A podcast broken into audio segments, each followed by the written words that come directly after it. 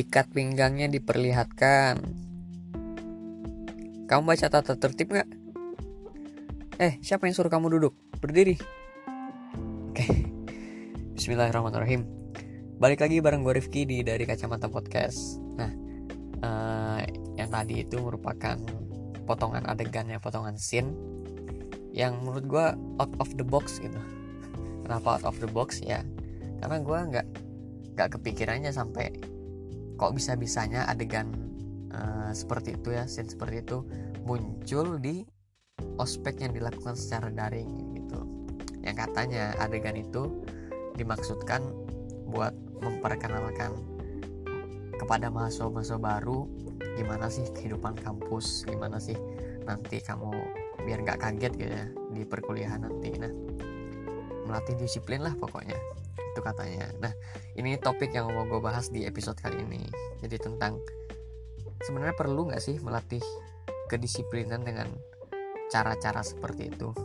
Nah ini yang akan gue bahas. Nah sebelum gue bahas dari kacamata gue gue perlu tahu nih gimana perspektif mereka uh, terhadap metode yang mereka mereka gunain ini. Ya gue dapetin dari ya pernah ngobrol juga ngobrol langsung sharing atau yang nyaksiin langsung lah uh, mereka ketika uh, nge apa sih ngejalanin metode ini. Nah katanya kan metode mereka gunain tujuannya pertama misalnya mengenalkan kepada mahasiswa-mahasiswa baru ya gini loh kehidupan kampus sebenarnya. Bahwa kehidupan kampus tuh keras deh. Kamu nggak bisa santai-santai kayak di SMA kamu harus bener-bener ya benar-benar disiplin lah benar-benar nurut dengan aturan. Kalau enggak kamu bisa habis nanti di perkuliahan itu katanya. Terus uh, alasan lain katanya metode ini digunain buat ngelatih disiplin maba-maba nih. Karena kalau yang gue lihat ya di podcastnya kemarin kan ada juga podcast itu yang viral.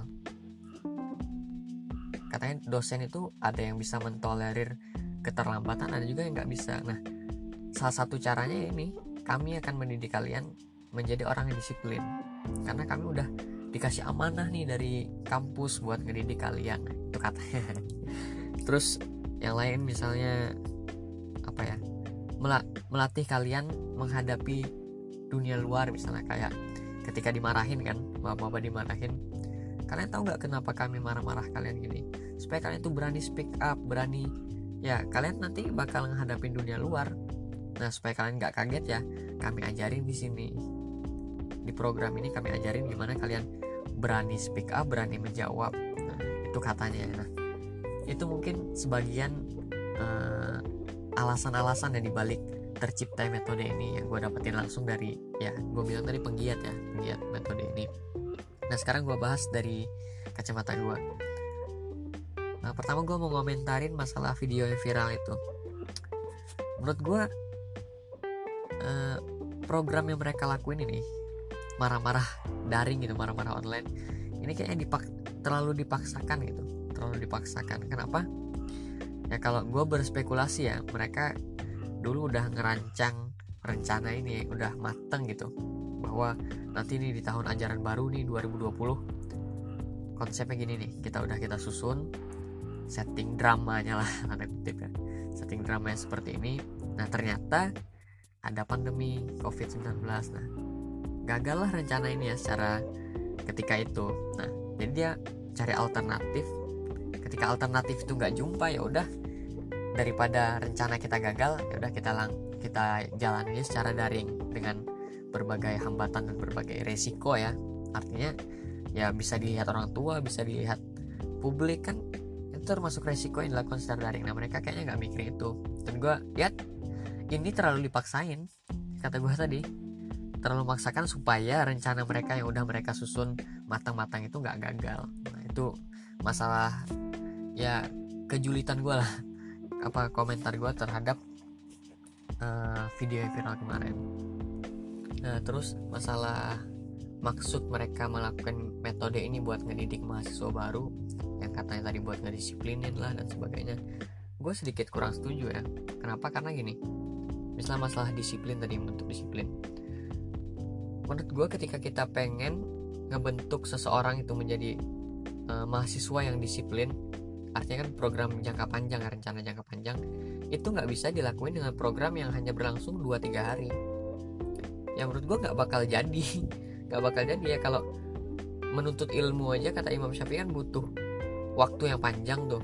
Nggak bisa cuman enam bulan. Apalagi ini cuma 2-3 hari buat ngebentuk jadi mahasiswa disiplin. Menurut gue nggak bisa ah tapi kan pendidikan-pendidikan militer tuh kayak polisi tentara itu kan ditempa dengan cara seperti itu juga. Ya beda bos. Itu namanya polisi namanya tentara. Mereka memang dari awal pendidikan mereka sampai selesai pendidikan memang digituin. Artinya misalnya dia uh, pendidikan polisi misalnya 2 tahun.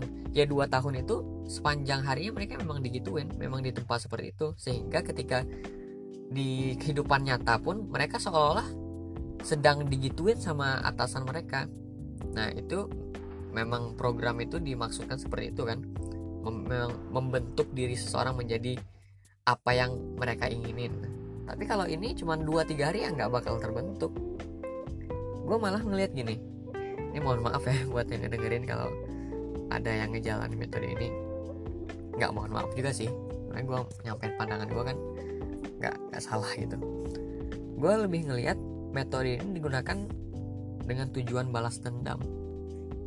Ya artinya gue nggak sembarang bilang balas dendam nggak sembarang bilang ya nggak sembarang menuduh gitu.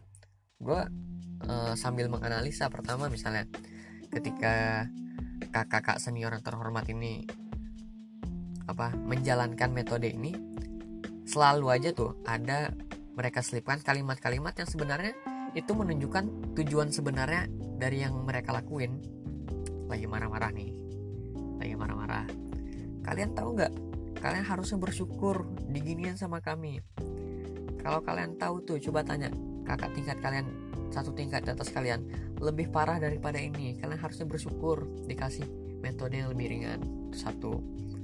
Terus misalnya yang gue pernah dengar nih asal kalian tahu ya dek kakak, kakak kalian lima tahun di atas kalian itu lebih parah daripada ini. Jadi kalian harus bersyukur. Nah, artinya itu ya sejenis lah di sini kan membuat orang berspekulasi ya ngapain ya kakak-kakak ini ngomongin masalah ini di apa diungkit-ungkit kembali gitu? Perlu nggak sih dibilang kalimat ini? Ya itu tadi. Karena programnya memang tujuannya balas dendam makanya mereka ngeluarin kata-kata itu. Ya sah saja kan orang berspekula uh, jadi berspekulasi seperti itu. Karena ya seakan-akan maba yang sedang menjalani program ini itu apa dijadikan pembanding gitu. Pembanding dari kating-kating mereka yang sudah jadi korban sebelumnya. Jadi kalau masa kita kena kalian nggak kena ya kalian juga harus kena. Terlepas itu program ini bakal lebih berat atau lebih ringan di adik-adiknya ya gimana pun harus kena. Ya itu uh, makanya gue bilang ajang balas dendam ya. Terus kenapa gue nggak terlalu setuju dengan pernyataan tadi? Misalnya yang lain nih. Uh, ada tata tertib kan ada aturannya biasa dalam program ini. Ada aturannya. Nah kalau benar-benar menempas seorang menjadi seorang yang disiplin atau menjadi seseorang yang patuh pada aturan ya mereka nggak bakal apa melonggarkan aturan mereka ini sampai benar-benar menjadi uh, orang yang ditempa ini menjadi mahasiswa yang disiplin. Nah masalahnya jangankan buat perkuliahan besok di hari terakhir program ini dijalankan aja tata tertib itu udah nggak berlaku lagi. Misalkan kalau ya gue bilang drama ya drama ospek gitu. Hari pertama kedua itu dihabis dimarahin. Nah hari ketiga atau hari keempat hari terakhir itu kan biasanya kan ada acara nangis-nangisan tuh apa salam-salaman dengan senior. Nah tata tertib disiplin yang harus kita patuhin tadi itu di hari terakhir gak berlaku lagi. Artinya apa? Kalau mereka benar-benar ngelatih kita jadi mahasiswa yang disiplin ya harusnya hari terakhir pun ya nggak melihat situasi. Maksudnya ya walaupun kita udah saling memaafkan nih sama senior tapi tata tertib aturannya tetap berlaku. Nah tapi ini nggak. Hari terakhirnya udah lepas semua udah langgar artinya memang bukan tujuannya mengajarkan kedisiplinan dari awal nih. Ya ini kan alasan yang menguatkan lagi gitu. Kenapa gue bilang program ini bukan bertujuan untuk mendisiplinkan tapi ajang balas dendam. Itu sih yang masalah disiplinnya. Nah terus uh, masalahnya ketika misalnya dia bilang maksud dari program ini adalah melatih uh, kalian deh biar kalian bisa menghadapi orang lain ketika di debat dan sebagainya masalah gini kak. Kakak-kakak kalau ada yang dengerin ini ya. Ketika kita nih kami yang di ospek itu selalu disudutkan menjadi pihak yang nggak pernah bener. Tapi kita disuruh speak up tadi kan. Tapi ketika kita ngejawab kita pasti nggak bener. Oke okay lah dia bilang biar kalian kuat mental menghadapi karena nanti di luar bakal banyak orang-orang yang nggak setuju dengan pendapat kalian. Oke okay, di situ tapi gimana pun kita bakal dihadapin uh, dengan pilihan ya kita mau nggak mau harus nurut. Karena kalau nggak nurut acaranya nggak bakal beres. Misalnya gue pernah ngalamin tuh kasusnya ya bener-bener mencari-cari kesalahan. Udah banyak yang ngacungin tangan memberikan solusi tapi nggak dapat solusi nggak nggak selesai-selesai juga masalahnya. Akhirnya apa? Akhirnya uh, cuttingnya yang menawarkan pilihan. Gimana gini aja hukumannya push up aja misalnya. Atau hukumannya lari keliling lapangan 20 kali misalnya. Nah akhirnya kita diarahkan untuk menyetujui apa yang cutting minta. Nah jadi yang dia bilang tadi supaya kalian bisa mendebat orang lain deh ya itu nggak berlaku di sini. Karena ujung-ujungnya kita bakal disuruh nurut juga. Ya kan? Jadi ya tadi semuanya balik lagi dengan tujuan awal mereka yang gue nggak tahu pastinya tapi spekulasi gue tujuan awalnya itu tadi. Sebagai ajang balas dendam mereka meluapkan kekesalan mereka pernah jadi korban di masa lalu gitu. Nah terus parah lagi ketika kalau program ini dijalankan dengan memasukkan unsur-unsur kekerasan di dalamnya ya ini udah udah nggak beres nih udah masuk kategori perpeloncoan ya. Gue pernah nanya gini ke penggiat metode ini ya kak kenapa sih orang-orang ospek itu sering banget atau kebanyakan ya kebanyakan ngelakuin kontak fisik ke adik tingkatnya ketika nggak didik? Dia jawab gini jawaban out of out of the box nih. Kamu tahu nggak kan ya kontak fisik itu apa?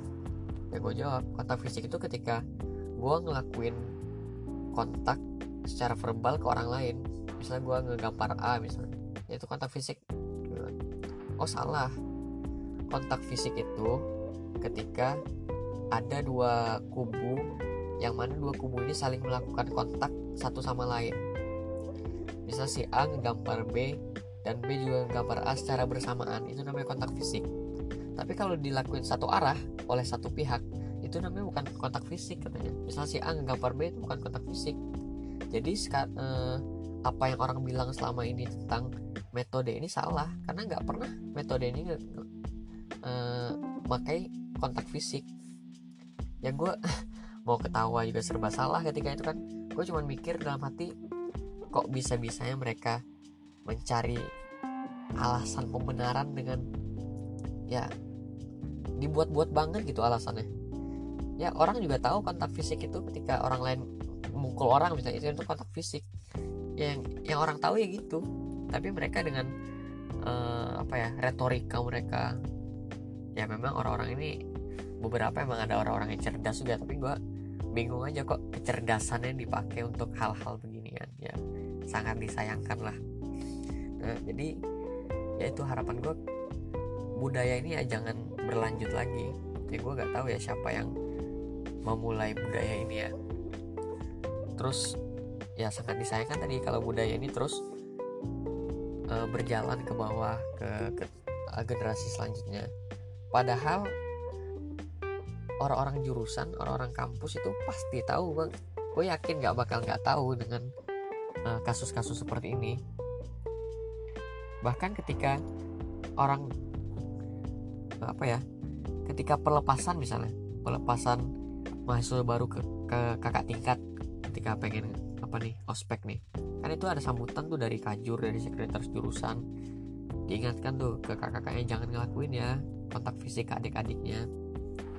Seakan-akan kan orang jurusan nggak tahu tapi ketika kita udah balik ke perkuliahan itu kita ditanyain tuh gimana kemarin ospeknya? Enak gak gini-gini gak artinya kan mereka padahal tahu ada kejadian seperti ini cuman mereka ya gue nggak habis pikir sih harusnya orang-orang yang punya apa ya punya wewenang kayak sekretaris, juru, sekretaris jurusan atau kajur misalnya itu harusnya bisa bertindak terhadap tindakan-tindakan yang gak baik seperti ini. Ya jangan sampai lah uh, metode-metode buruk seperti ini ada di tempat uh, mendidik orang menjadi orang baik kan? Sekolah di universitas harusnya nggak nggak ada metode ini metode kuno ini. Harusnya ya makin maju dunia teknologi ya semakin maju juga pemikiran dan meninggalkan juga budaya-budaya yang nggak baik seperti ini gitu sih uh, keresahan gue ya terhadap kegiatan kegiatan-kegiatan seperti ini. Dan bahkan ternyata nggak cuma di uh, perguruan tinggi di tingkat SMA pun sudah mulai di, dibentuk bibit-bibit orang-orang yang bakal nerusin metode ini. Misalnya kayak organisasi-organisasi SMA tuh banyak tuh gue sempat nemuin. Entah apalah namanya pelatihan lah pengkaderan lah pengukuhan lah dan sebagainya. Program yang dilakuinnya sama dengan membentak-bentak lah. Ya itulah tadi keresahan gue harapannya semoga nggak berlanjut ke generasi selanjutnya. Ya semoga Indonesia makin cerdas uh, para elit-elitnya makin bisa merubah sistem ini dan orang-orang yang di bawah yang bakal naik nanti kayak kita para mahasiswa anak muda ya harus bekerja keras juga buat ya kalau bukan kita siapa lagi ya kalau di seriesnya Bad Genius tuh di episode terakhir. Ini gue recommended nih uh, series ini. Kan di situ diajarkan bahwa sistem itu nggak bakal berubah kalau nggak ada yang merubahnya nah kita inilah sebagai korban yang bisa merubah sistem ini menjadi sistem yang lebih baik. Nah, ya seperti itu. Ini dulu yang gue sampaikan di episode kali ini mudah-mudahan bermanfaat dan pantengin terus dari kacamata podcast untuk episode-episode selanjutnya. Dadah